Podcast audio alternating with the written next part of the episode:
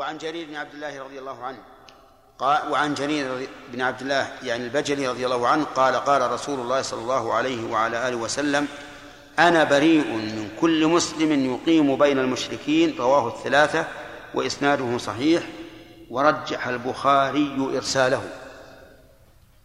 يعني أنه منقطع عند البخاري.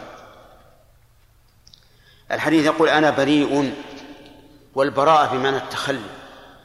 ومنه إبراء المدين من دينه أي إسقاطه أي إسقاطه عنه.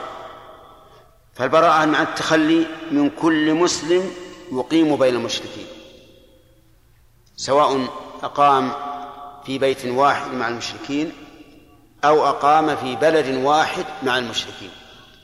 فالنبي صلى الله عليه وسلم منه بريء.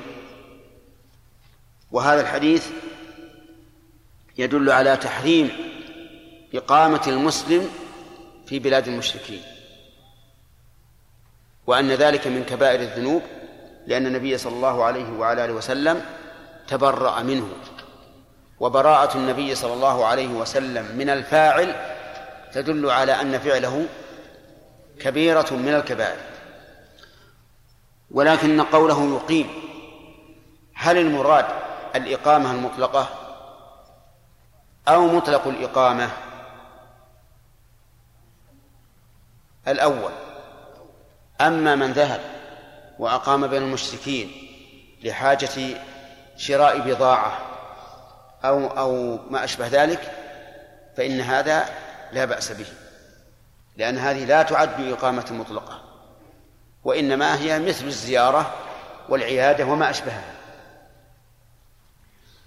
ولكن هذا حديث يقول إن البخاري رجح إرساله ففيه هذه العلة وهو أن إمام المحدثين أو من كان من أئمة المحدثين أعله بهذه العلة والإرسال يوجب القدح في الحديث ما لم تتلقه الأمة بالقبول إن تلقته بالقبول صار مقبولا من حيث إن الأمة تلقته بالقبول. وهذا شأن كل مرسل. فإن قال قائل إن هذا الحديث يشكل في الوقت الحاضر لأنه لا بد من إقامة المسلم بدار المشركين في في موضوع السفارة. فإن السفراء الآن سفراء المسلمين مقيمون بين بين المشركين ولا شك. فالجواب عن هذا أن يقال إذا كان السفير سفير خير. سفير خير. يبين الحق ويدعو للإسلام ويدافع عن عن دولته ما يلصق بها من التهم والكذب والافتراء إذا كانت الدولة على ما وصفه. فإن هذا لا بأس به. لما في ذلك من من المصالح الكبيرة لأن الآن السفارات ليس مجرد أن السفير يتكلم بلسان الحكومة في أمور سياسية بل فيها اقتصاديات وعسكريات وغيره فالناس لا بد لهم من هذا. لا بد لهم من ذلك فهو ضرورة. أما إذا كان السفير على اسمه والسفير اللي إحنا نعرف في اللغة العامية ما هو؟ قشور الحب. حب البر. قشور ما فيها خير. نعم. إذا كان السفير على اسمه بهذا المعنى فلا خير فيه. لأنه يوجد من السفراء من يشوه سمعة دولته بل من يشوه سمعة الإسلام. ويكون وجوده في السفارات ضرر ضررا عظيما. ليس على دولته فحسب بل على دولته وعلى المسلمين عموما. تجد والعياذ بالله لا يقوم بواجبه لا يحضر إلا يوما بعد يوم وإذا حضر لم يحضر إلا في بعض الدوام. ثم إن نسمع عن بعض السفراء أنهم يعربدون ويشربون الخمر شيء يوحش. هؤلاء إقامتهم هناك حرام لأن إقامتهم لا تزيدهم إلا شرا ومعصية. فرجوعهم إلى بلاد الإسلام المحافظة واجب. لكن من السفراء من يكونون سفراء خير في الدعوة إلى الله في الدفاع عن الإسلام في الدفاع عن دولتهم فيما هي متصفة به. إلى غير ذلك من الأشياء التي يحمد عليها السفير ثم قال رحمه الله وعن ابن عباس رضي الله عنهما قال قال رسول الله صلى الله عليه وعلى آله وسلم لا هجرة بعد الفتح ولكن جهاد ونية. قول لا هجرة آه، من يعرب لنا لا هجرة؟ شرافي؟ نعم. منصوب بها. مبني؟ ليش؟ ولا ما تنصب؟ إيه ليش المبني لا.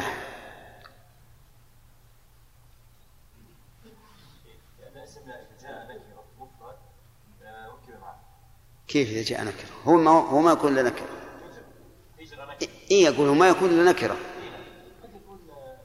أبد ما ت... لأن في الجنس ما تعمل إلا في النكرة. نعم. آه. طيب. ما الم... ما المراد بالمفرد؟ انتقل السؤال لا ها؟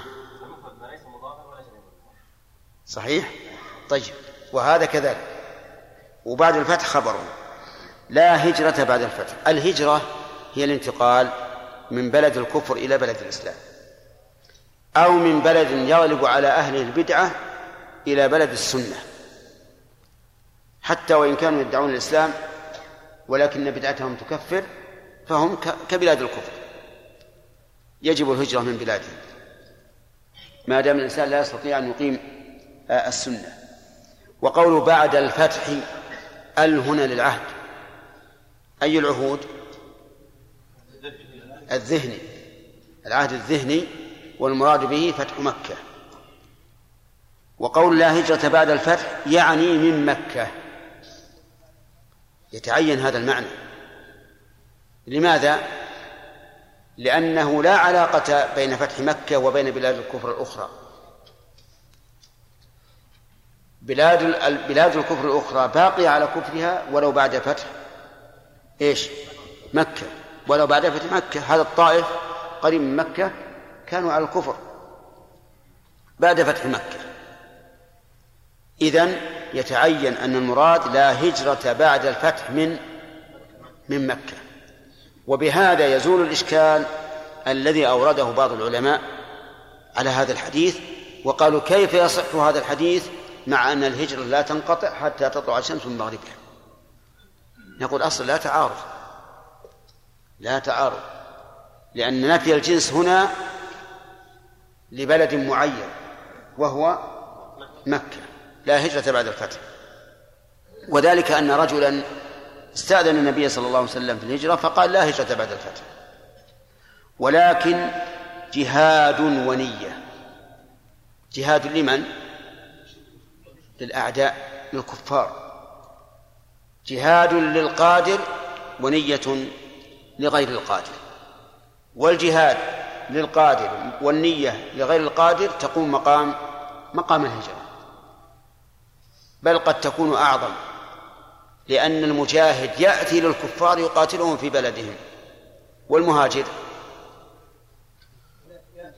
يدع البلد يدع بلدهم ويتركه لكن لا يقاتلهم على كفرهم. فالجهاد أعظم. طيب وقوله ونية قلت لكم إن المراد نية لمن لا إيش؟ لمن لا يستطيع الجهاد. يستفاد في من هذا الحديث. ها؟ كيف؟ قبله؟ أي طيب. آه، من فوائد هذا الحديث حديث جرير. تحريم بل تحريم إقامة المسلم بين المشركين. بل هو من كبائر الذنوب لأن النبي صلى الله عليه وسلم تبرأ منه ولكن هذا مبني على إيش؟ على صحة الحديث.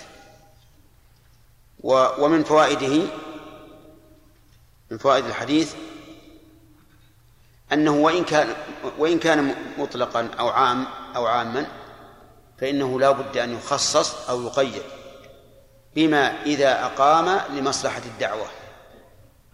كما لو أقام في بلاد المشركين يدعوهم إلى الله. فهنا لا يلحقه هذا الوعيد. ولكن إن وجد فائدة فليبقى وإلا فليرحل أما الحديث الثاني يرحمك الله. أما الحديث الثاني ففيه فوائد. أولا الإشارة إلى أن مكة ستبقى بلاد إسلام. وجهه لا هجرة بعد الفتح. ولو عادت بلاد كفر أجاره الله من ذلك. لو عادت بلاد كفر لو لعادت الهجرة منها. لكن فيه بشارة بأنها لا تعود بلاد كفر ومن فوائد الحديث أن الجهاد يقوم مقام الهجرة بل هو كما قلت لكم أعظم من الهجرة. لأنه هجوم على الكفار في بلادهم والهجرة فرار منهم من بلد الإنسان. نعم. ومن فوائد هذا الحديث أن النية تقوم مقام الفعل لقوله ونية. وعلى هذا فتكون الواو هنا بمعنى أو يعني أنه جهاد لمن قدر أو نية لمن لم يقدر. ولكن النية لا تقوم مقام الفعل إلا بشروط. الشرط الأول أن تكون النية صادقة بمعنى أنه ينوي نية صادقة من قلب أنه لولا المانع لفعل الشيء, الشيء الثاني أن أو الشرط الثاني أن يكون قد شرع في العمل ولكن عجز عن إتمامه. لقوله تعالى ومن يخرج من بيته مهاجرا إلى الله ورسوله فقد وقع أجره على الله. نعم؟ نعم ومن خرج ومن يخرج من بيته مهاجرا إلى الله ورسوله ثم يدركه الموت فقد وقع أجره على الله. أما إذا نوى بدون أن يشرع في العمل فله أجر النية فقط. وتكون ويكون هذا الأجر مساويا لأجر نية الفاعل. ودليل ذلك أي دليل أنه لا يحصل على الأجر كاملا قصة الفقراء الذين جاءوا يشكون لرسول الله صلى الله إلى رسول الله صلى الله عليه وعلى آله وسلم أن الأغنياء سبقوه. ف فقال عليه الصلاة والسلام ألا أخبركم بشيء تدركون به من سبقكم ولا يكون أحد أفضل منكم؟ ثم دلهم على التسبيح والتحميد والتكبير دبر كل صلاة. فعلم بذلك الأغنياء ففعلوا مثله. فرجع الفقراء مرة ثانية إلى رسول الله صلى الله عليه وعلى آله وسلم فقال يا فقالوا يا رسول الله سمع إخوان الأغنياء بما فعلنا ففعلوا مثله فقال لهم ذلك فضل الله يؤتيه من يشاء. ذلك فضل الله يؤتيه من يشاء. ولم يقل أنتم وهم سواء. فدل ذلك على على أن من لم يشرع في العمل لا يحصل له أجره.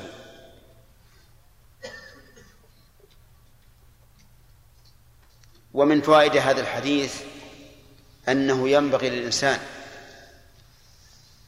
إذا نفى شيئا يتطلع الناس إليه أن يفتح لهم بابا آخر يكون قائما مقامه.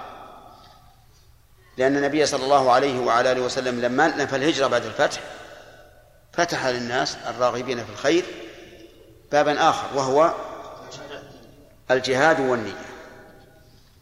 وعن أبي موسى الأشعري رضي الله عنه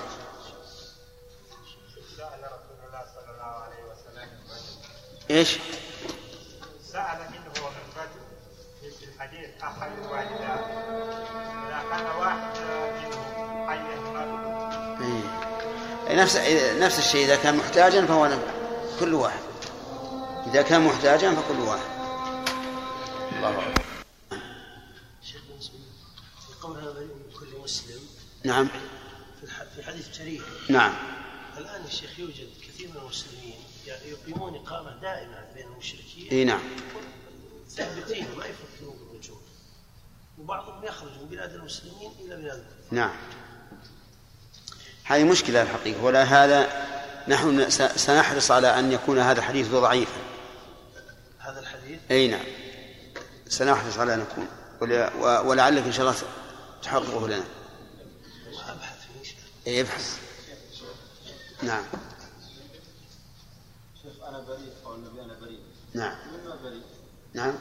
من أي شيء؟ مثل قوله من غش فليس منه مما يتبرج يعني معناها أنه أن هذا الرجل ليس على سنته وليس على هديه.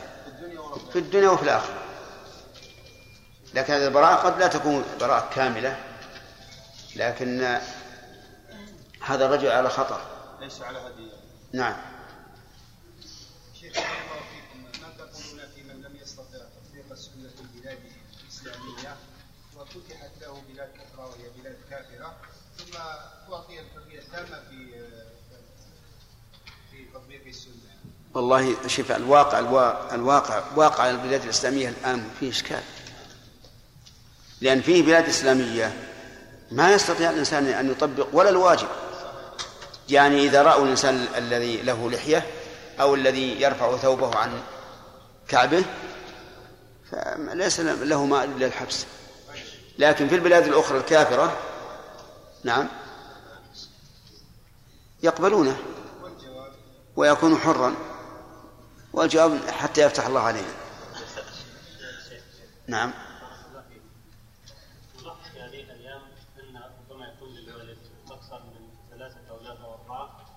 رغب احدهم في الجهاد سواء بالعلم أو بالجهاد الكفار فيمنعه والده ليس خوفا عليه ولكن حبا له هو لو لن لو لأنه يحبه ما خاف عليه. يعني يقول الله الله لا يرد. على كل حال أما طلب العلم فلا حاجة إلى استئذان الوالدين. ما داما مستغنيين عنه. لأن ما فيه عرضة للتلف. أنا أقول لك ما لا يلزمك طاعتهما سافر واطلب العلم. ما لم يكونا محتاجين لك وأما الجهاد فلا لأن الجهاد فيه عرضة للتلف والهلاك. انتهى الوقت ولو عنده غير يعني هو عنده عنده غير ها خلاص أنا أقول أخرج لطلب العلم. نعم. إذا لم يكن متعينا فلا فلا تسافر. لأن حتى لو كان مستغني عنك سيبقى قلبه متعلقا بك. من من القارئ اليوم؟ ذكرنا في الدرس الماضي أن إذن الأبوين واجب في الذهاب إلى الجهاد أو استئذانهما.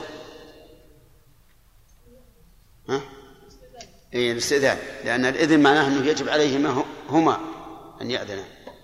أن استئذان الأبوين في واجب في الذهاب إلى الجهاد فإذا ذهب شخص بدون إذنهما وقال إنه يغفر له بأول قطرة من دمه كما قال كما قال رسول الله صلى الله عليه وعلى آله وسلم فهل هذا يخرج من الإثم إذا قلنا إن استئذانهما واجب صار ذهابه محرما ولم يكن جهادا مقبولا.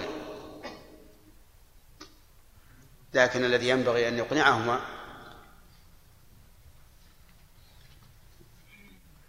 بسم الله الرحمن الرحيم الحمد لله رب العالمين صلى الله وسلم على نبينا محمد وعلى آله وأصحابه أجمعين. قال المؤلف فيما نقله عن أبي موسى الأشعري رضي الله عنه قال قال رسول الله صلى الله عليه وعلى آله وسلم من قاتل لتكون كلمة الله هي العليا فهو في سبيل الله.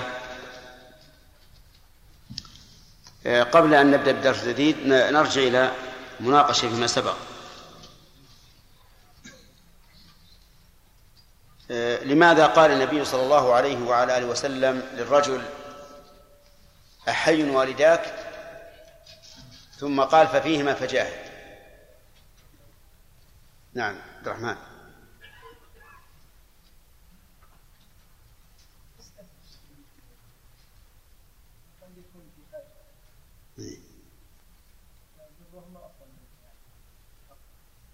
يعني ليبين أن بر الوالدين أفضل من الجهاد. هل لهذا شاهد في الحديث الصحيح؟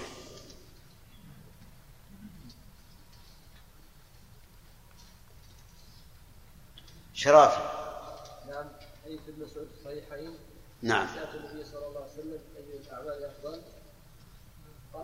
قال- الصلاة على وقتها. قلت ثم أي؟ قال بر الوالدين قلت ثم أي؟ قال الجهاد في سبيل الله. طيب أحسنت.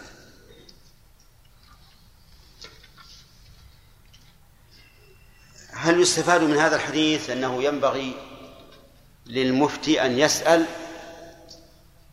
فيما إذا احتيج إلى الاستفصال نعم يا شيخ بقوله صلى الله عليه وسلم أحيي الوالدات نعم. من قوله أحي ولدك هل لهذا شاهد؟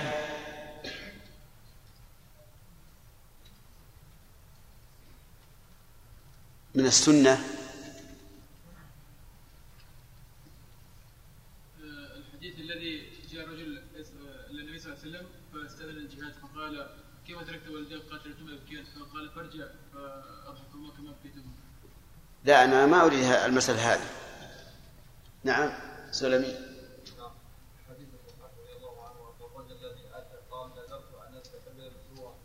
نعم. أي صحيح. طيب. أنا بريء من كل مسلم كلفنا فيه ال- الأخ علي السلطان لكنه تخلف. فهل منكم أحد؟ بحثه شيخ نعم. شيخ في في الإرواء المجلد الخامس صفحة 30 يرجح شيخ الألباني إرساله. نعم. لكن أتى بشواهد يعني تؤيده. وكذلك في صحيح الجامع. ما يكفي هذا. إيه، لكن هذا الذي طيب لا بأس هذا نموذج ها؟ إي نعم لا بأس.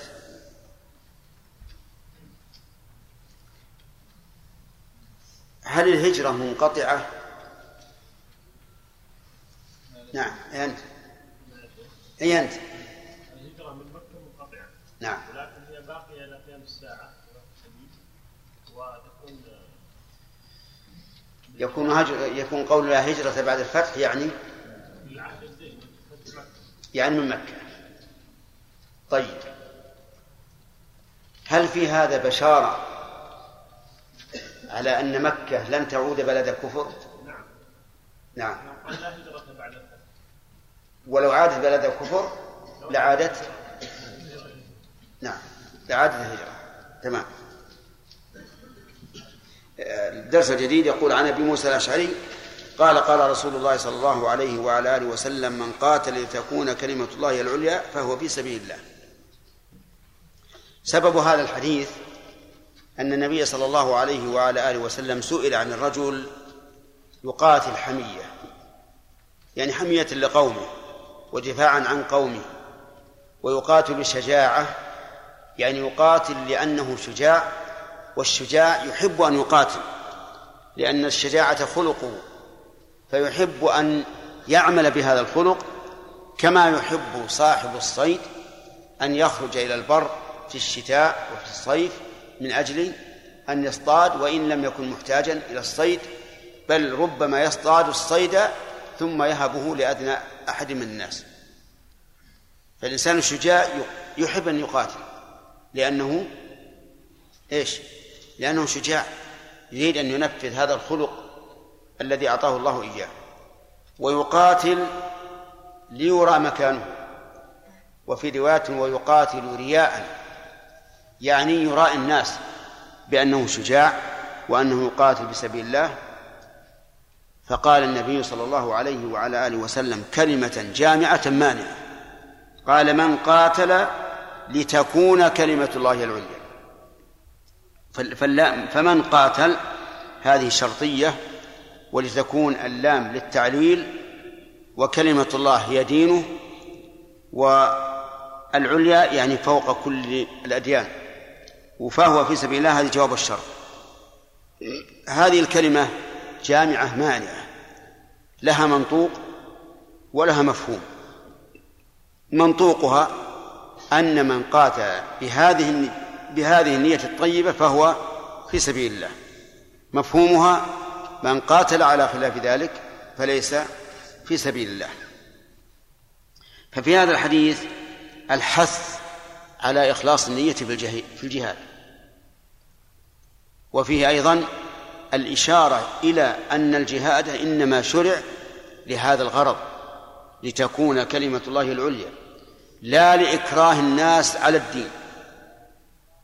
ولهذا سيأتينا إن شاء الله في حديث بريدة أن أننا لا نكره الناس على الدين لكننا نكرههم على أن لا يعارضوا هذا الدين وأن ولا أن يقوموا بوجهه. نقاتلهم على أن تكون كلمة الله هي العليا. ومن فوائد هذا الحديث أن الناس يختلفون اختلافا كثيرا في الجهاد في سبيل الله. منهم من يجاهد في سبيل الله ومنهم من يجاهد في غير سبيل الله حسب إيش؟ حسب النية. ومن فوائدها أيضا من فوائد الحديث أن للنية أثرا بالغا. في قلب الأعمال إلى صالحة أو إلى فاسدة. حسب النية. بقوله من قاتل لتكون كلمة الله العليا. ومن فوائد هذا الحديث أن الإسلام دين عزيز. دين عزيز. لا ينبغي للمسلم أن يرضى أن يكون دين فوقه. بقوله أن تكون كلمة الله هي العليا. وعلى كل حال هذا منوط بالقدرة لقول الله تعالى فاتقوا الله ما استطعتم. وهذا يشبه آه، قول النبي صلى الله عليه وعلى آله وسلم في طالب العلم إن الملائكة لتضع أجنحتها لطالب العلم رضا بما يصنع وهذا عند الإخلاص. أما عند عدم الإخلاص فقد قال من طلب علما مما يبتغى به وجه الله لا يريد إلا أن ينال عرضا من الدنيا لم يرح رائحة الجنة. وذلك لفساد النية.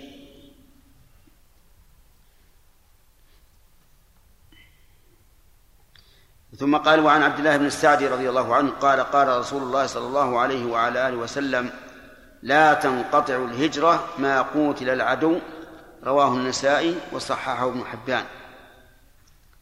لا تنقطع الهجرة. الهجرة هي الخروج من بلد الكفر إلى بلد الإسلام.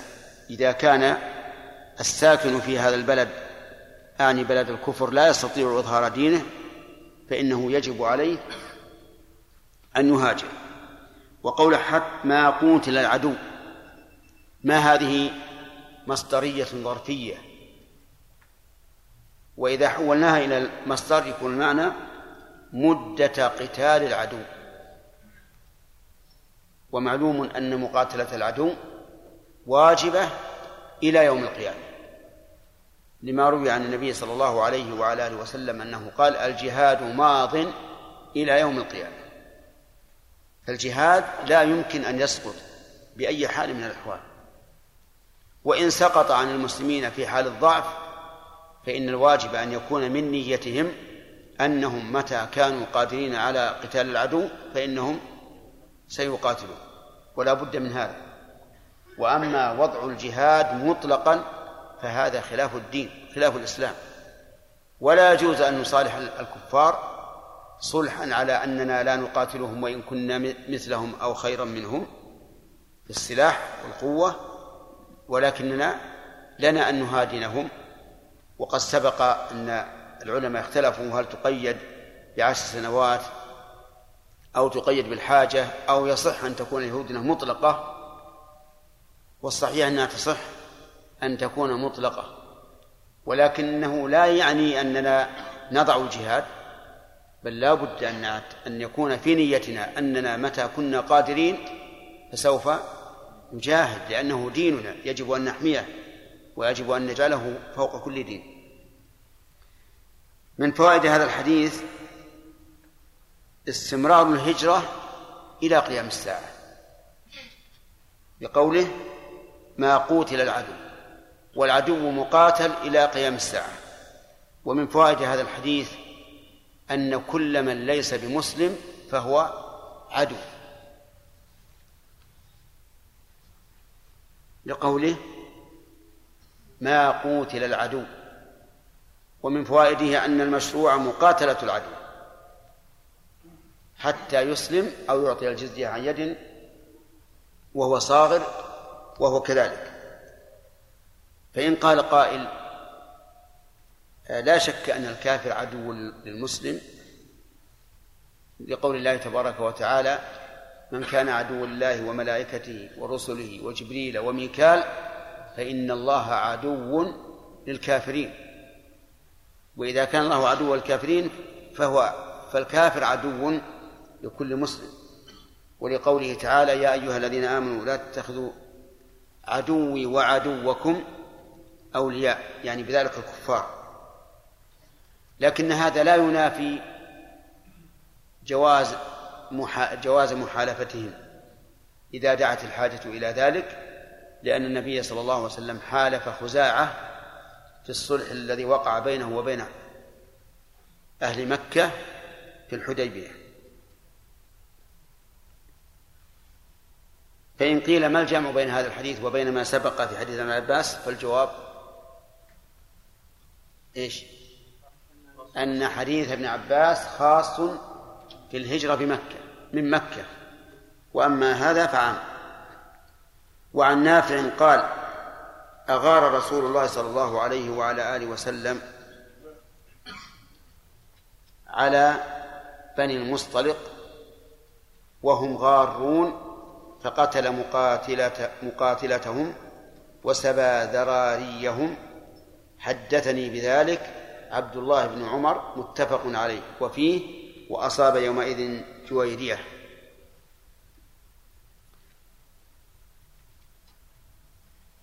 نعم. نافع هو مولى ابن عمر. وأورد المؤلف الحديث على هذه الصيغة على خلاف العادة. لأن الحديث الآن متصل وليس بمرسل إذ أنه رواه نافع عن عن ابن عمر. لكن كأنه لما ورد هكذا في الأمهات ساقه على على ما ورد. قوله أغار. الإغارة هي الاندفاع بسرعة على أي شيء كان على عدو أو صديق. وقوله على بني المصطلق هم طائفة من العرب أو قبيلة من العرب وهم غارون أي غافلون. يعني أنه لم ينذرهم قبل بل أغار عليهم وهم غافلون فقتل مقاتلتهم مقاتلتهم. يعني قتل الذين يقاتلون وهم الرجال البالغون العقلاء الذين ليس فيهم مانع. من شيخوخة أو مرض أو ما أشبه ذلك. وسبى ذراريهم. الذراري هم الصغار من الأولاد وكذلك النساء مطلقا. حدثني بذلك عبد الله بن عمر رضي الله عنهما. متفق عليه وفيه وأصاب أي النبي صلى الله عليه أي النبي صلى الله عليه وسلم يومئذ جويرية ومن جويرية هذه؟ هذه إحدى أمهات المؤمنين رضي الله عنهم. في هذا الحديث فوائد وهو جواز الإغارة على العدو بدون إنذار. وهذه المسألة تحتاج إلى تفصيل. وذلك أن العدو إما أن يكون قد بلغته الدعوة فهذا لنا أن نغير عليه بدون إنذار. وإما أن لا تكون الدعوة بلغته فهذا يجب أن ندعوه أولا ثم نقاتله. إذا امتنع كما يدل عليه حديث بريدة الآتي إن شاء الله. وعلى هذا فيكون الرسول عليه الصلاة والسلام أغار على هؤلاء القوم بعد بعد أن بلغتهم الدعوة. ومن فوائد هذا الحديث أنه يجوز تبييت الكفار إذا بلغتهم الدعوة يعني أن نهاجمهم ليلا ما دامت الدعوة قد بلغتهم. لقوله وهم غارون أي غافلون لم يتأهبوا للقتال ولم يحسبوا له حسابا ومن فوائد هذا الحديث قتل المقاتلين. قتل المقاتلين. ولكن لو قال قائل هل لنا أن نأسرهم؟ أو في ذلك تفصيل؟ الجواب في ذلك تفصيل. يوضحه قوله تعالى فإذا لقيتم الذين كفروا فضرب الرقاب حتى إذا أثخنتموهم فشدوا الوثاق. وقوله تعالى ما كان لنبي أن يكون له أسرى حتى يثخن في الأرض. فإذا كنا قد أثخناهم وكسرنا شوكتهم بقتال المقاتلين فلنا أن نأسر وليس لنا أن نأسر ابتداء لأن ذلك هوان علينا وذل لنا بل لا بد أن نثخن أولا بالقتل والجراح حتى إذا استسلموا وذلوا فحينئذ يأتي دور الأسر. كما ذكر الله عز وجل في سورة القتال وفي سورة آل عمران. طيب ومن فوائد هذا الحديث جواز سبي الذرية أي ذرية أي ذرية العدو. وهم النساء والصغار ومن لا عقل له ومن لا رأي له ومن لا يستطيع القتال. كل هؤلاء يسبون ولا يجوز قتلهم لأنهم إذا سبوا صاروا غنيمة للمسلمين. وقتلهم يفوت ماليتهم على المسلمين ولا فائدة منه. فلذلك هؤلاء يؤسرون. قال العلماء ويكونون أرقاء مجرد السبي. يعني لا يحتاج أن يقول الإمام أو القائد إنني قد استرققتهم. يكون أرقاء بمجرد السبي. أما المقاتلون إذا جاز سب أسرهم فإن الإمام يخير فيهم بين أمور أربعة القتل والفداء بمال والفداء بأسير والمن وقال بعض العلماء يجوز استرقاقهم. يعني فيكون هنا يخير بين خمسة أشياء. القتل واضح. والثاني الفداء بأسير يعني يكون لدى العدو أسرى منا فنقول أعطونا أسيرا بأسير. أو بأسيرين حسب الحال.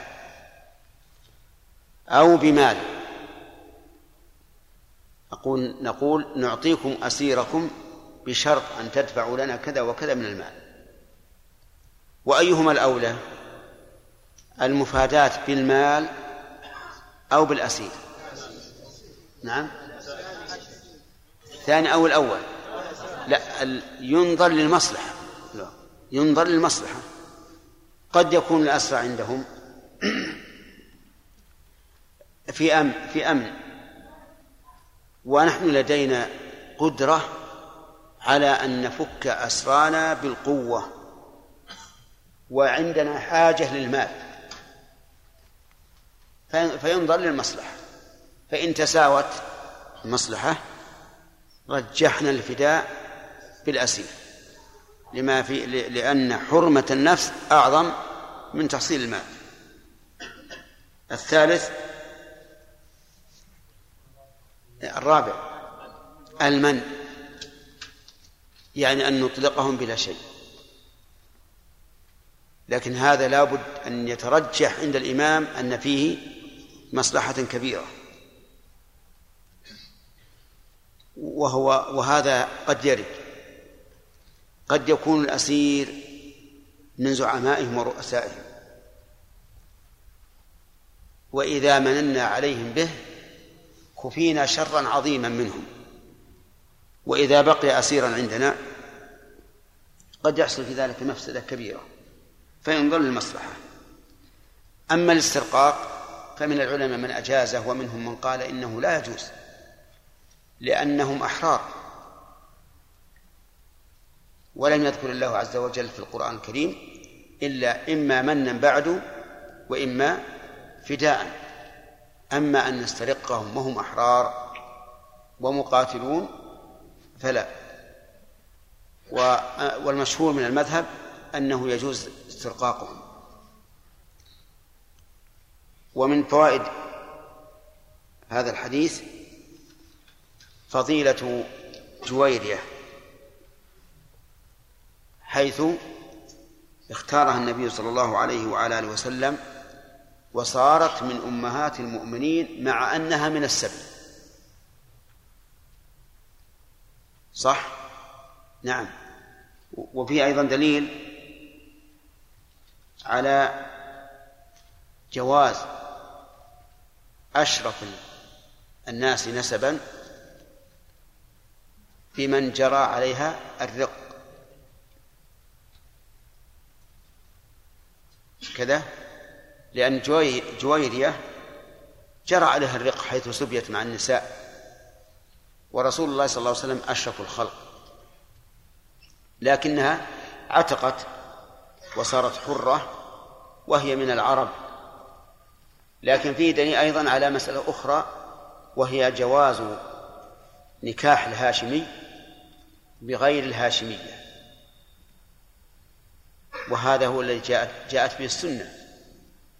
خلافا لمن يدعون الآن أنهم أشراف ويقولون لا نزوج إلا من كان شريفا.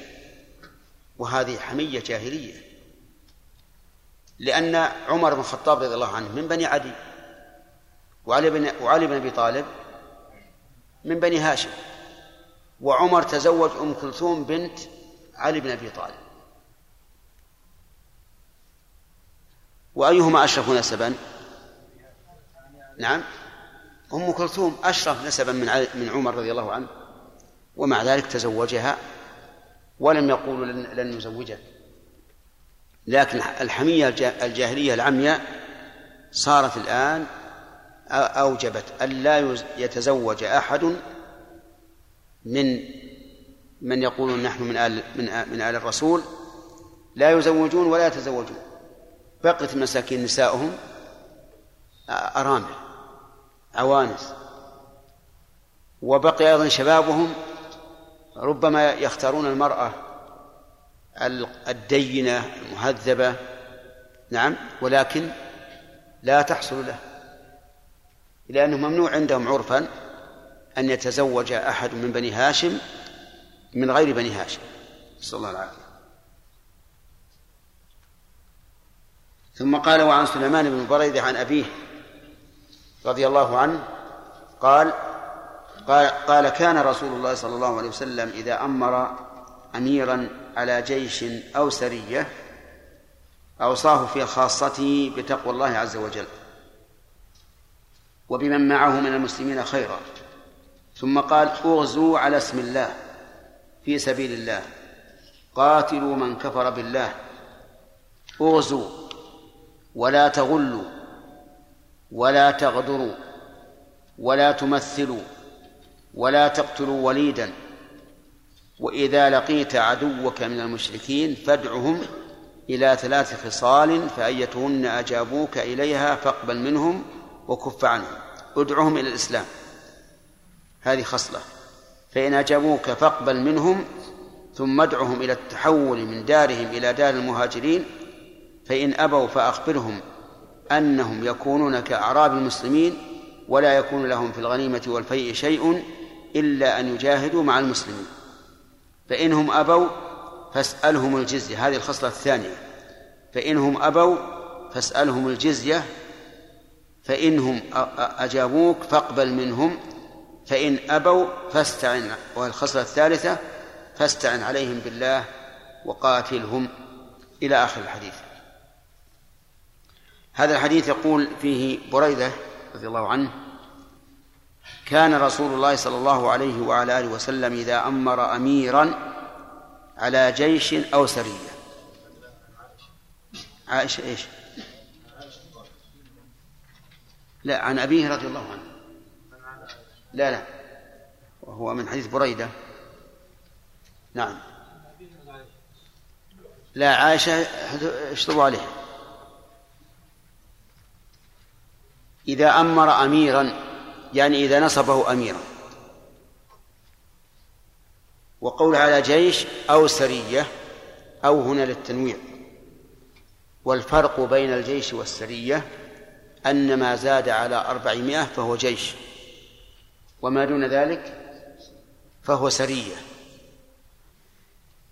و وأوصاه في خاصته بتقوى الله. أوصاه يعني عهد إليه. عهدا موثقا.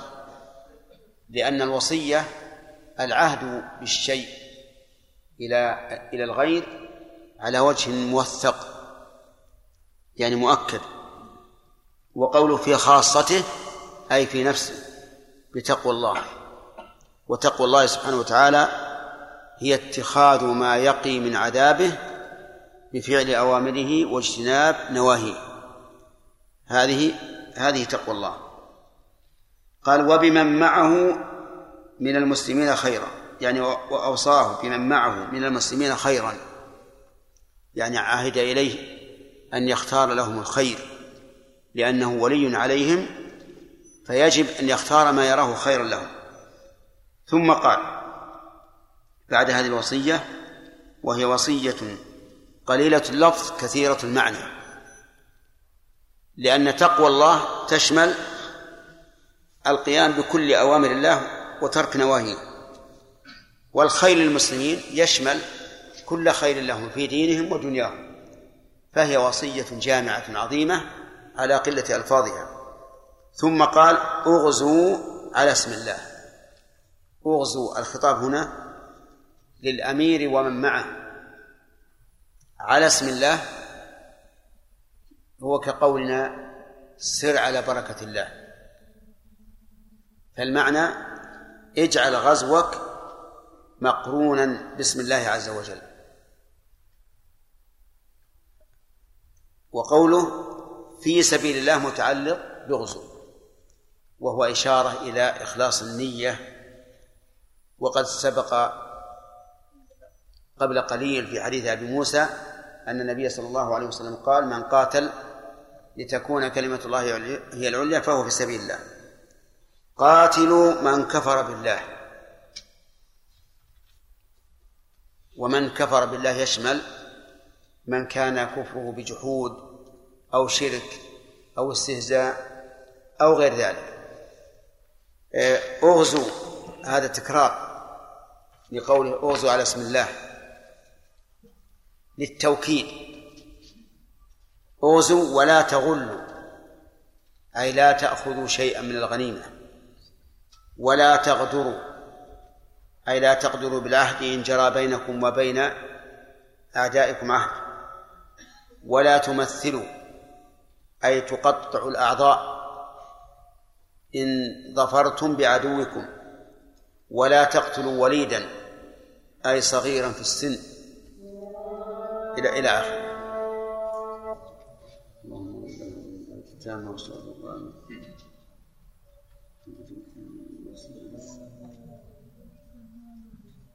عندنا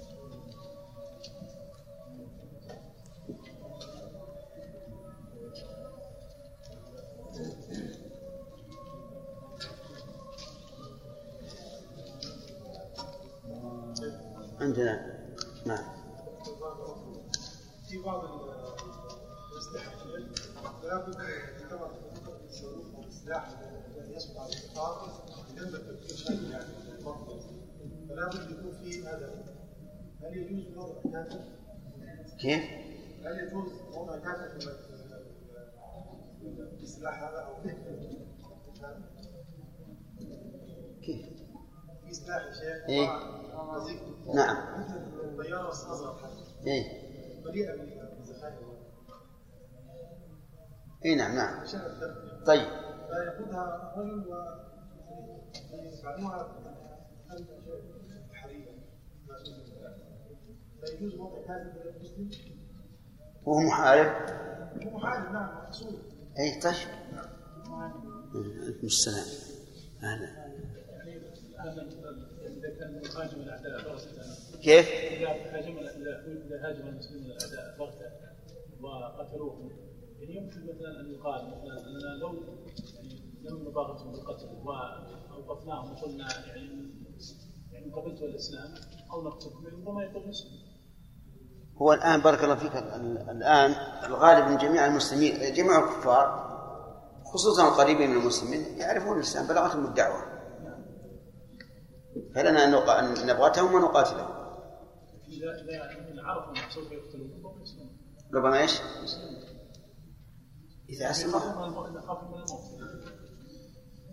هو الأصل أنهم لن ينقادوا ما دام الدعوة بلغتهم ولكن أبوا. لو فرض أنهم راسلونا وقالوا نحن نريد أن نسلم مثلا يجب الكف عنهم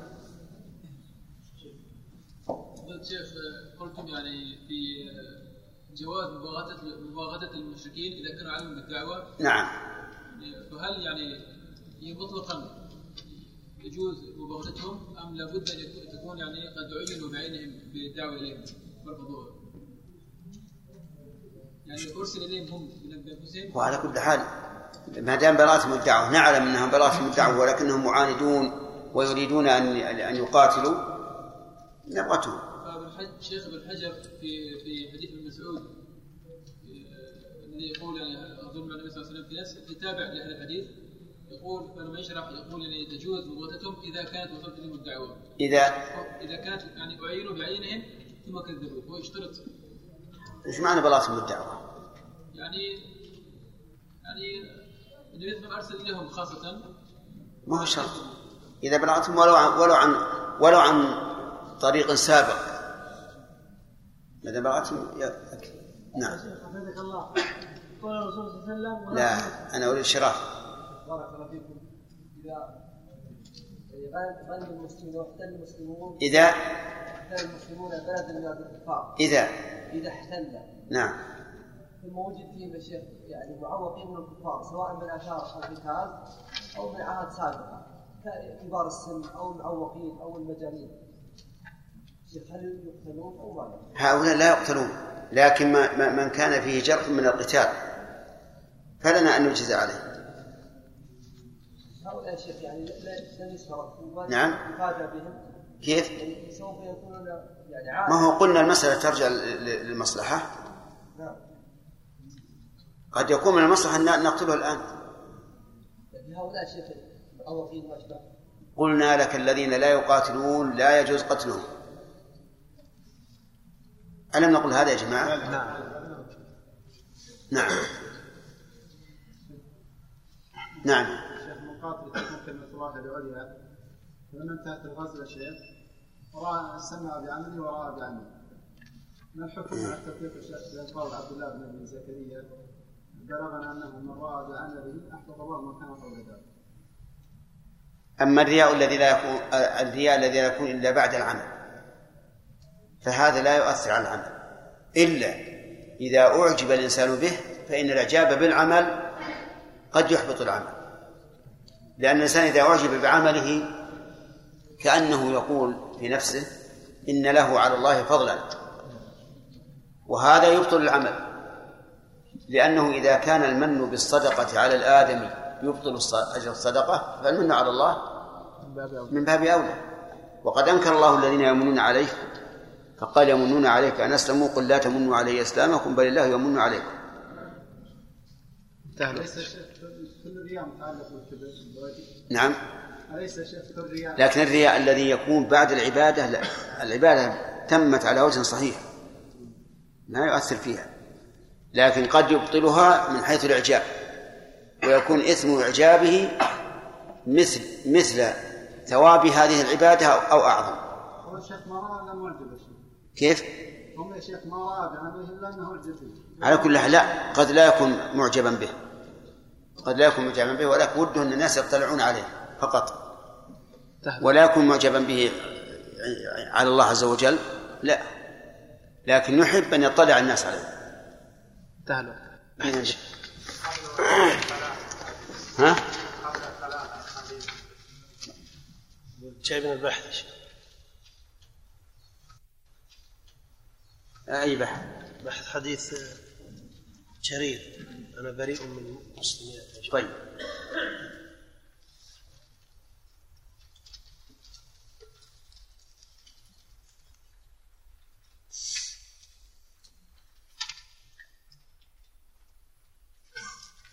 اقرأه علينا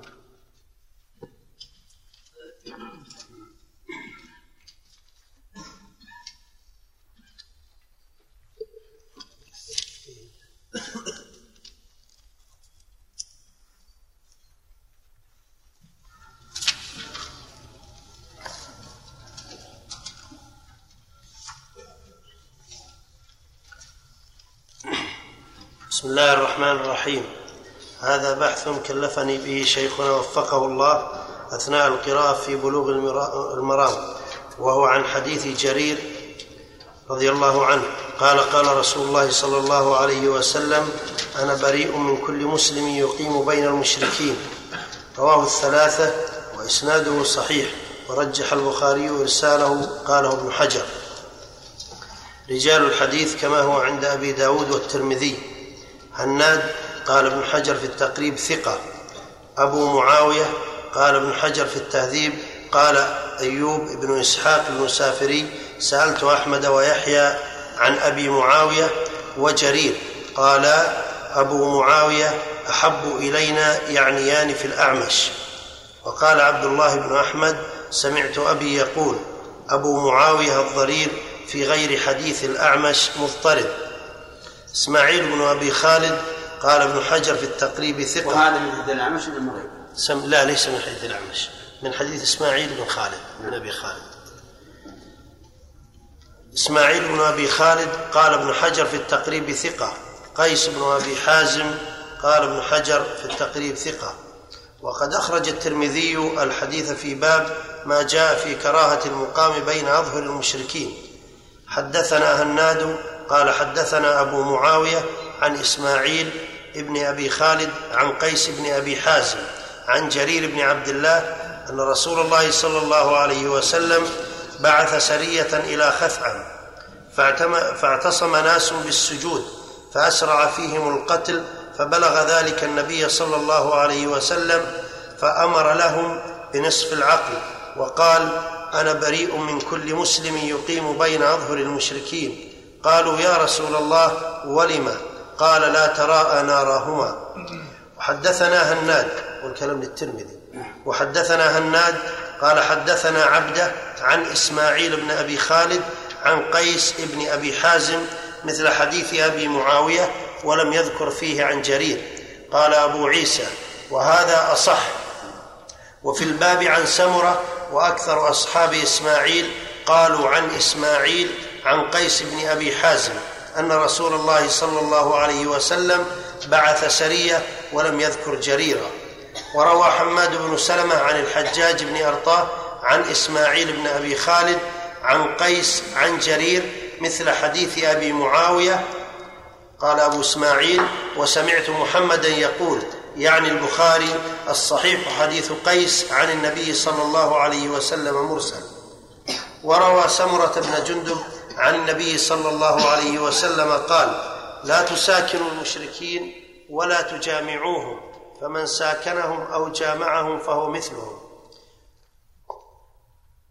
هذا كله في جامع أبي عيسى الترمذي الجزء الثالث صفحة ثمانين أبواب السير وروى أبو داود أيضا في باب النهي عن قتل من اعتصم بالسجود حدثنا هناد أخبرنا أبو معاوية عن إسماعيل بن خالد عن قيس بن أبي حازم عن جرير بن عبد الله ثم ساق الحديث بلفظ الترمذي ثم قال رواه هشيم ومعمر أو معتمر وخالد الواسطي وجماعة لم يذكروا جريرا.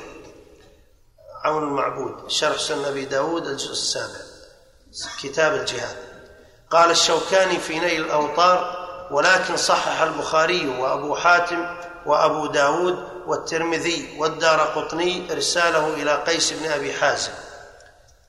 قال الألباني في الإرواء حديث أنا بريء من كل مسلم يقيم بين أظهر المشركين لا تراءى ناراهما صحيح رواه أبو داود والترمذي.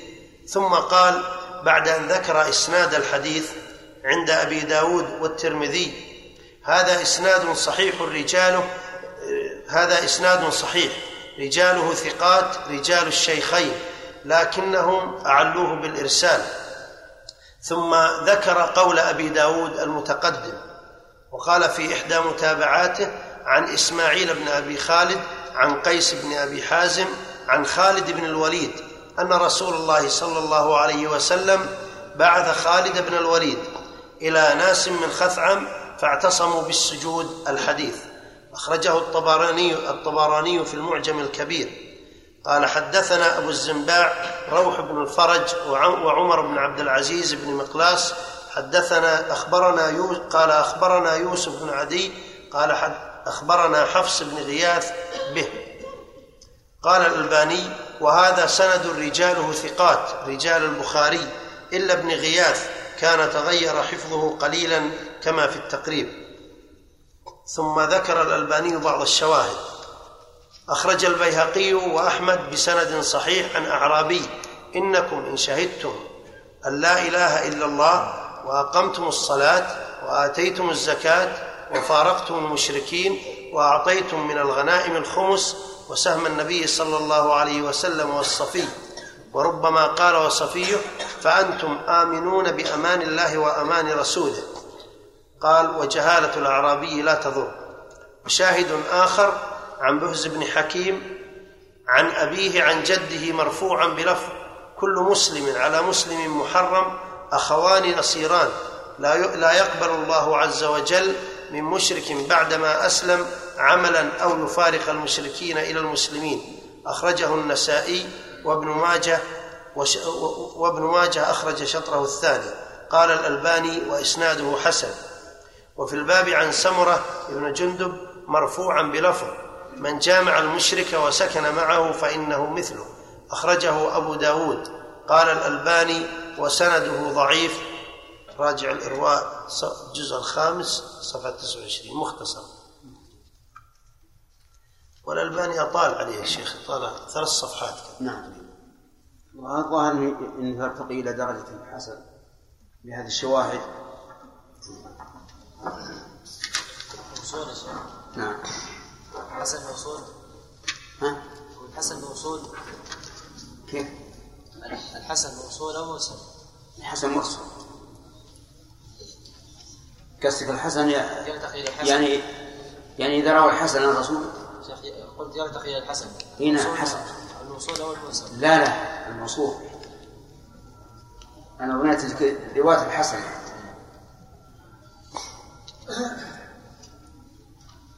يا رايح هذا؟ إن شاء الله بعد الصلاة. اتصل بي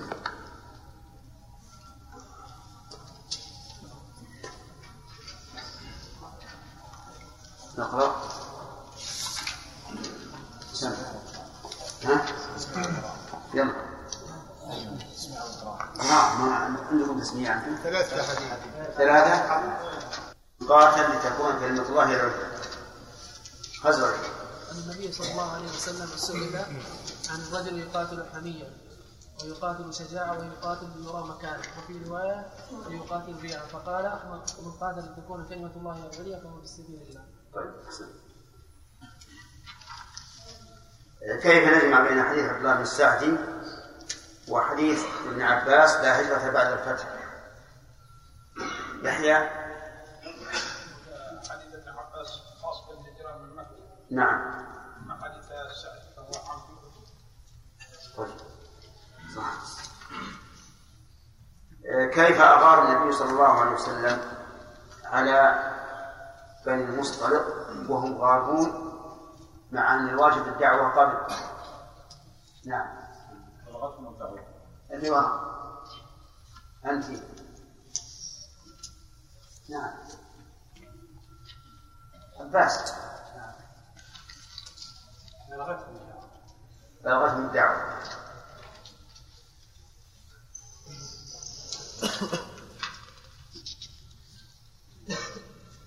هذا الحديث ما يدل على جواز استرقاق العرب. عوف.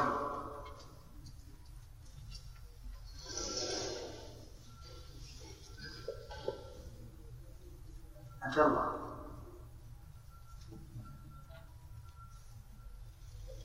بلال بلال اسمه إيش؟ البلال اسمه البلال ولا العوف؟ البلال اسم عبد الله عوض لكن لم يكن عوض حصلت ضد العوض. اي نعم يقول العوف نعم في الحديث ما يدل على جواز استرقاق العرب. نعم كون النبي صلى الله عليه وسلم أغار على بني المصطلق وهم من العرب وسبع فسبى ذراريهم قتل من قاتله. طيب عندنا سبى ذراريهم. حسن أما حديث بريدة فقد شرحنا أوله. ما الفرق بين الجيش والسرية الرحمن الجيش لا زال على بعض. نعم. السرية ما دون ذلك طيب. وهي أيضا تنفصل من الجيش. السرية تنفصل من الجيش بأقل من 400 من من 400 ما معنى قوله وبمن معه من المسلمين خيرا؟ آدم. أصحابه الذين كانوا معه. ما معنى أوصابهم خيرا؟ نعم. خيرا إيش معنى أصابهم خيرا؟ في أن أن يقبل منهم الإحسان إليهم و أن يقبل الإحسان أن إليهم يقبل الإحسان منهم. ها؟ أن يقبل يعني عن أصحابه إحسانهم ويعاملهم معاملة. نعم. شيخ أن يقبل من محسنهم ويتجاوز عن المسيئين ما لا يشق عليهم. من لا يشق عليهم. طيب. لماذا لا نقول أن يعمل ما ما هو الخير له. عام نعم. أصاب الخير يعني تعمل ما هو خير في السير والنزول والتأهب وغير ذلك.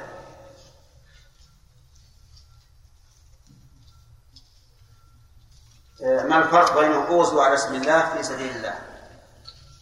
سعد اغزوا على اسم الله في سبيل الله.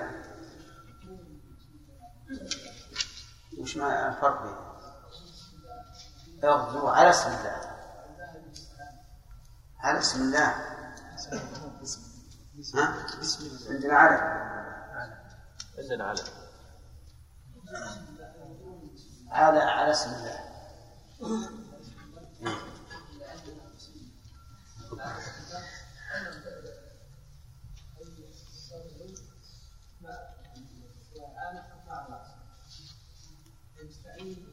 طيب وفي سبيل الله.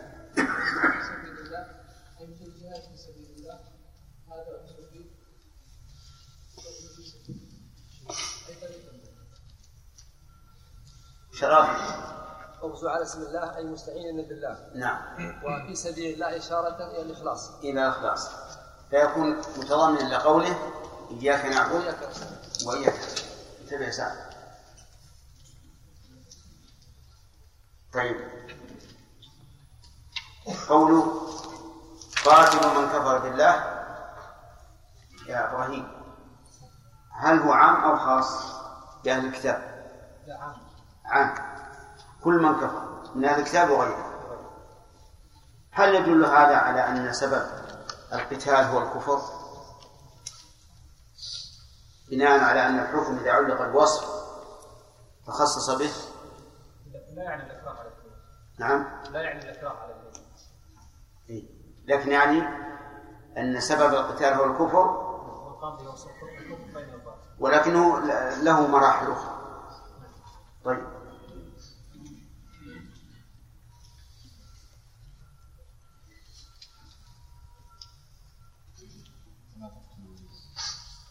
انتهى الوقف عليه نعم قوله اوزوا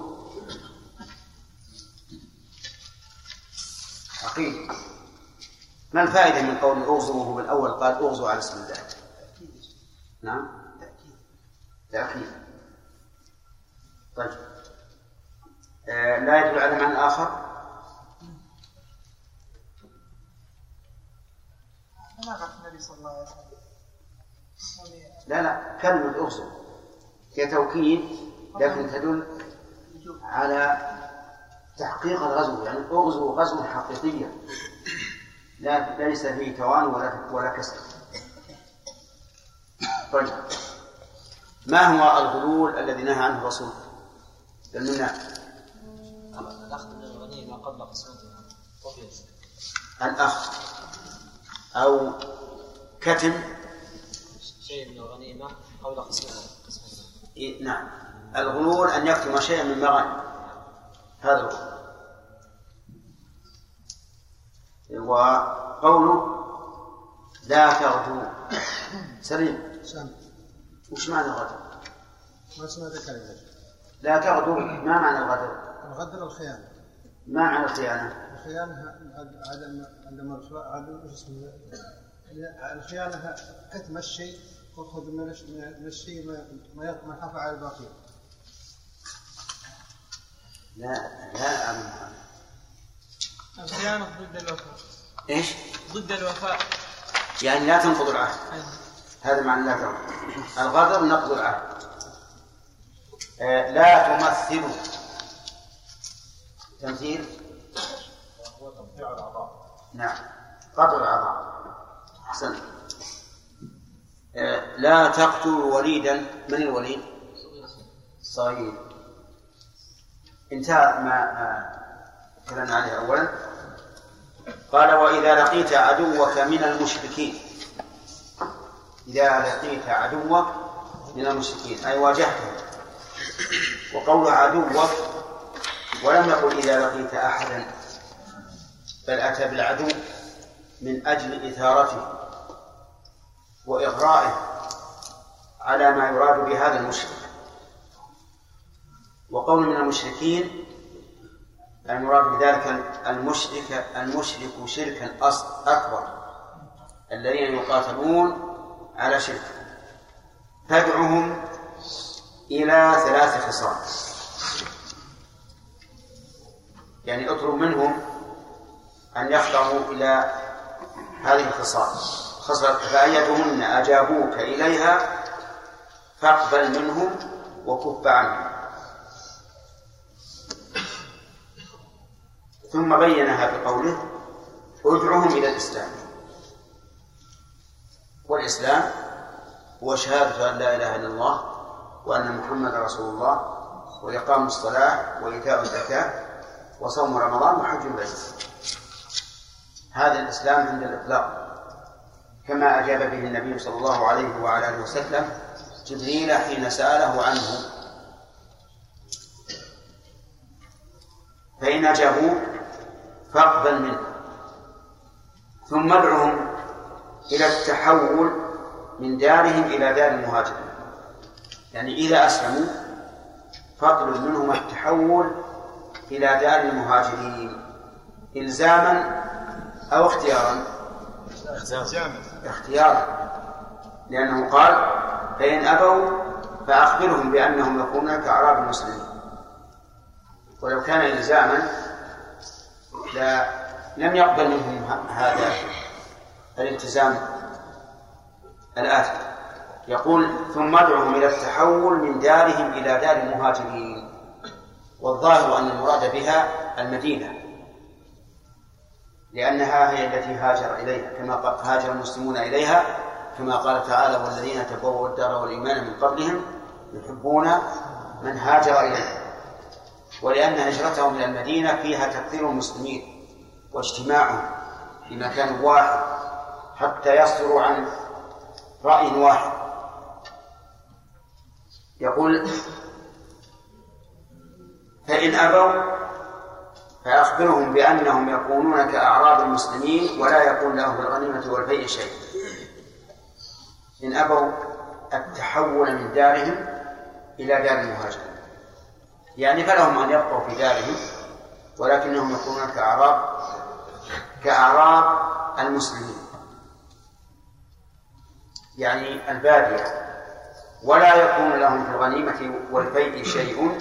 إلا أن يجاهدوا مع المسلمين. فإن جاهدوا وهم في ديارهم استحقوا ما يستحقه المجاهدون من الغنيمة. والغنيمة هي ما أخذ من مال مشرك بقتال وما ألحق به. هذه الغنيمة. ما أخذ من مال مشرك أو كافر بقتال وما ألحق به. وأما الفيء فهو ما أخذ بغير قتال وله موارد متعددة منها ما يؤخذ من الكفار بغير قتال كالجزية والخراج وشبههما ومنها الأموال المجهولة أي من موارد أي من موارد الفيء الأموال المجهولة التي لا يعلم مالكها. فهذه تجعل في بيت المال. ومنها دية من لا وارث له فإنها أيضا تجعل في بيت المال. ومنها خمس خمس الغنيمة. يعني واحدة يعني واحدا من خمسة وعشرين جزءا من الغنيمة. أيضا يكون في فيئة في بيت المال. ومصرف الفيء المصارف العامة. أما الغنيمة فقد سبق بيان أنها تقسم إلى خمسة أسهم أربعة منها للغانمين وواحد يقسم إلى خمسة أسهم أيضا. فإنهم أبوا. أبوا إيش؟ يعني أبوا الإسلام والتحول بل أبوا الإسلام. فإنهم أبوا فاسألهم الجزية. فإن فإنهم أجابوه فاقبل منهم. وهذه هي الخصلة الثانية. إن أبوا أن يسلموا فاسألهم الجزية. والجزية هي مال يضعه ولاة الأمر على كل كافر تحت ذمة المسلمين. مثل لو كان هذه البلد فتحناها واستولينا عليها ثم إننا قلنا لأهلها إذا كانوا كفارا تبقون فيها بالجزية. كل واحد منكم يبذل الجزية التي تجعل عليه. فهذه هي الجزية فيبقى على دينه ويثبت له من الحقوق ما يقتضيه هذا العقد مما هو معروف عند أهل العلم. فإنهم أجابوك فاقبل منهم. هاتان اثنتان. فإن أبوا فاستعن عليهم بالله وقاتلهم. إن أبوا إيش؟ الإسلام والجزية فاستعن بالله فاستعن عليهم بالله. أي اطلب العون من الله تعالى عليهم وقاتلهم فبدأ أولا بالاستعانة بالله.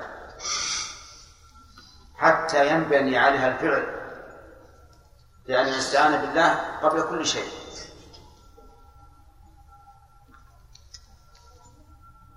لقول النبي صلى الله عليه وسلم احرص على ما ينفعك واستعن بالله ولا تعجز.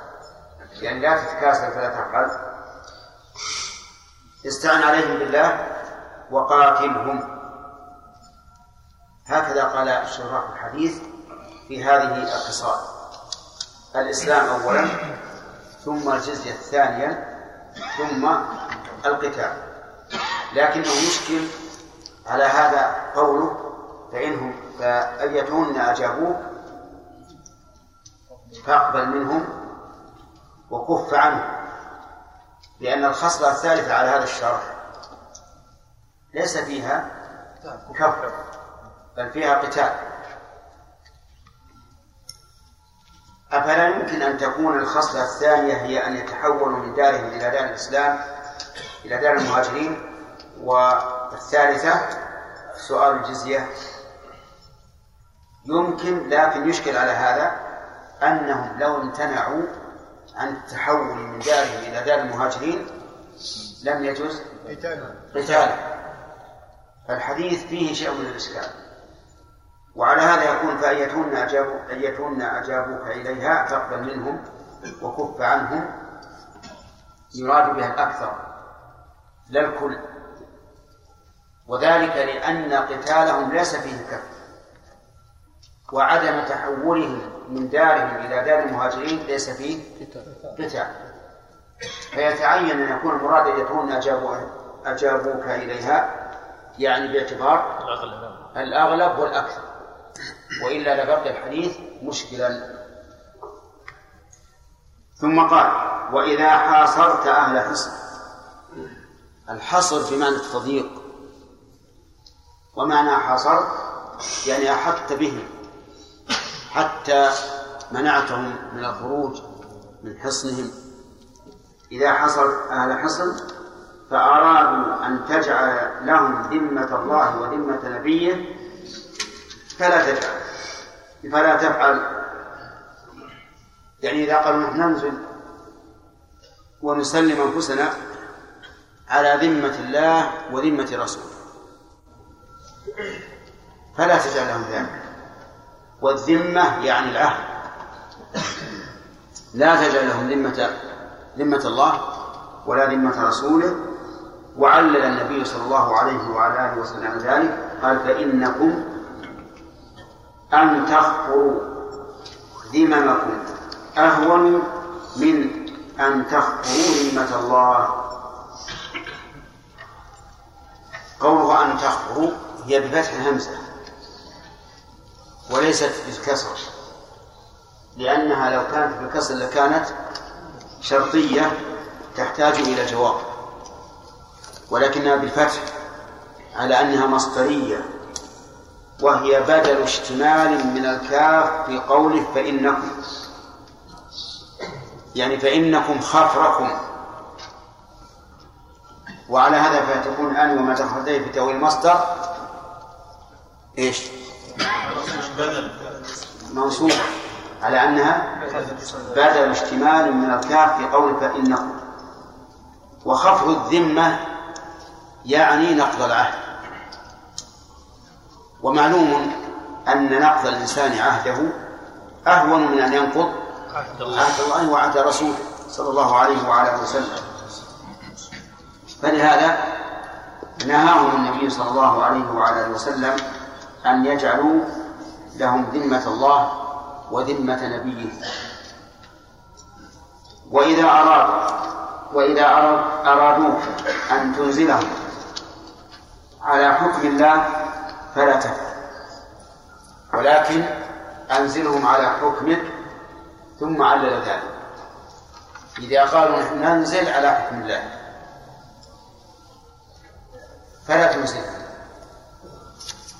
بل أنزلهم أنزلهم على حكمك واجتهاد. وذلك لأنك لا تدري أتصيب فيهم حكم الله أم لا. لأنك قد تجتهد فتخطئ. وحينئذ لا تكون مصيبا لحكم الله. وقد تجتهد. وتصيب حكم وتصيب حكم الله ولكن ينسخ الحكم. لأن لأن العصر عصر تشريع. فلهذا قال إنك لا تدري أتصيب فيهم حكم الله أم لا. انتبهوا الآن. نحن عللنا بأنه قد يجتهد ويخطئ وقد يحكم بصواب يكون قد نسخ ما دام الوقت وقت تشريع. وسيأتي عند بيان الفوائد ما يترتب على اختلاف على اختلاف هذين التقديرين. هذا الحديث يعتبر أساسا لتوجيه ولي الأمر لمن ينفذه في الجهاد. أساسا لأنه ذكر فيه كل ما يحتاج إليه من نفذ للجهاد. ففيه فوائد. أولا مشروعية التأمير ترى الآن أعلن أعلن وقت السؤال نعم لا يمكن تكون الخطة الثانية يا شيخ فإن أبوا فأخبرهم بأن يكونوا كأعراب المسلمين ولا يكون لهم في الغنيمة والفيء شيء إلا أن يجاهدوا مع المسلمين. نعم.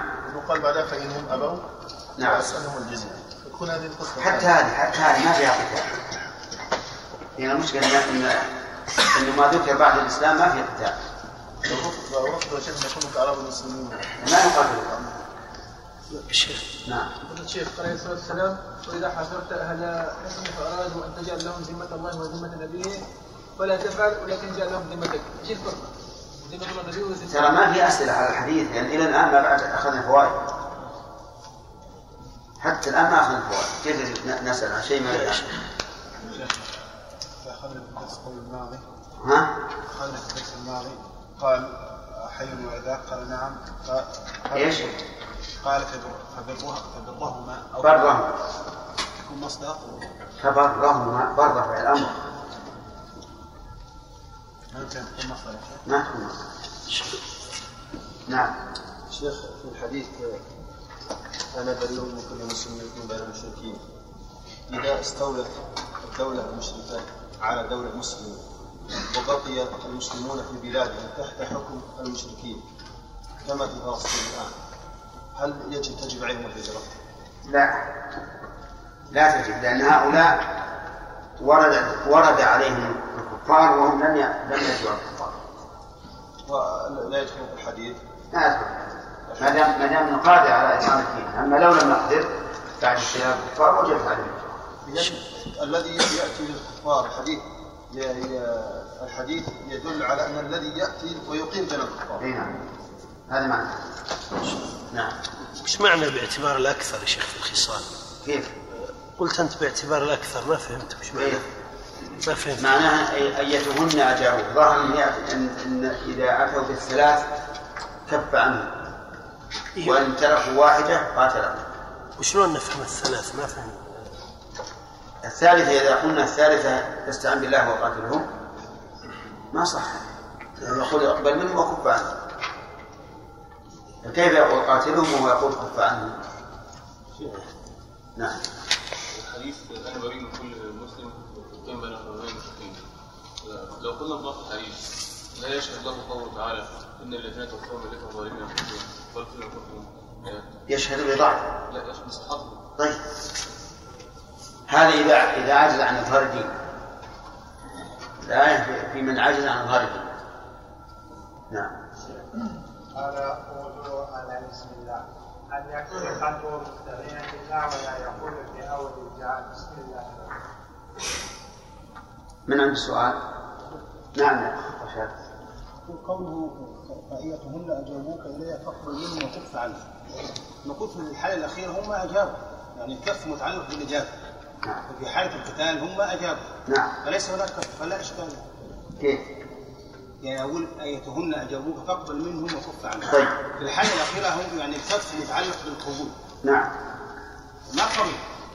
لكن إذا جعلنا الخصلة الثالثة بالإجابة ما أجابوا. حصل إذا جعلنا الخصلة الثالثة إنهم أجابوك لذلك وإلا فاستعن بالله وقاتل أجابوا لأي شيء. جزية. أجابوا للجزية وإلا قاتلوا طيب. فهذه الخصلة الثالثة هذه الخصلة الثالثة فيها فيها قتال. لأن عندنا إسلام ثم جزية يكف عنه الخصلة الثالثة إن أجابوك لها فكف عنه إذا جعلنا هي الجزية صارت هي الخصلة الثانية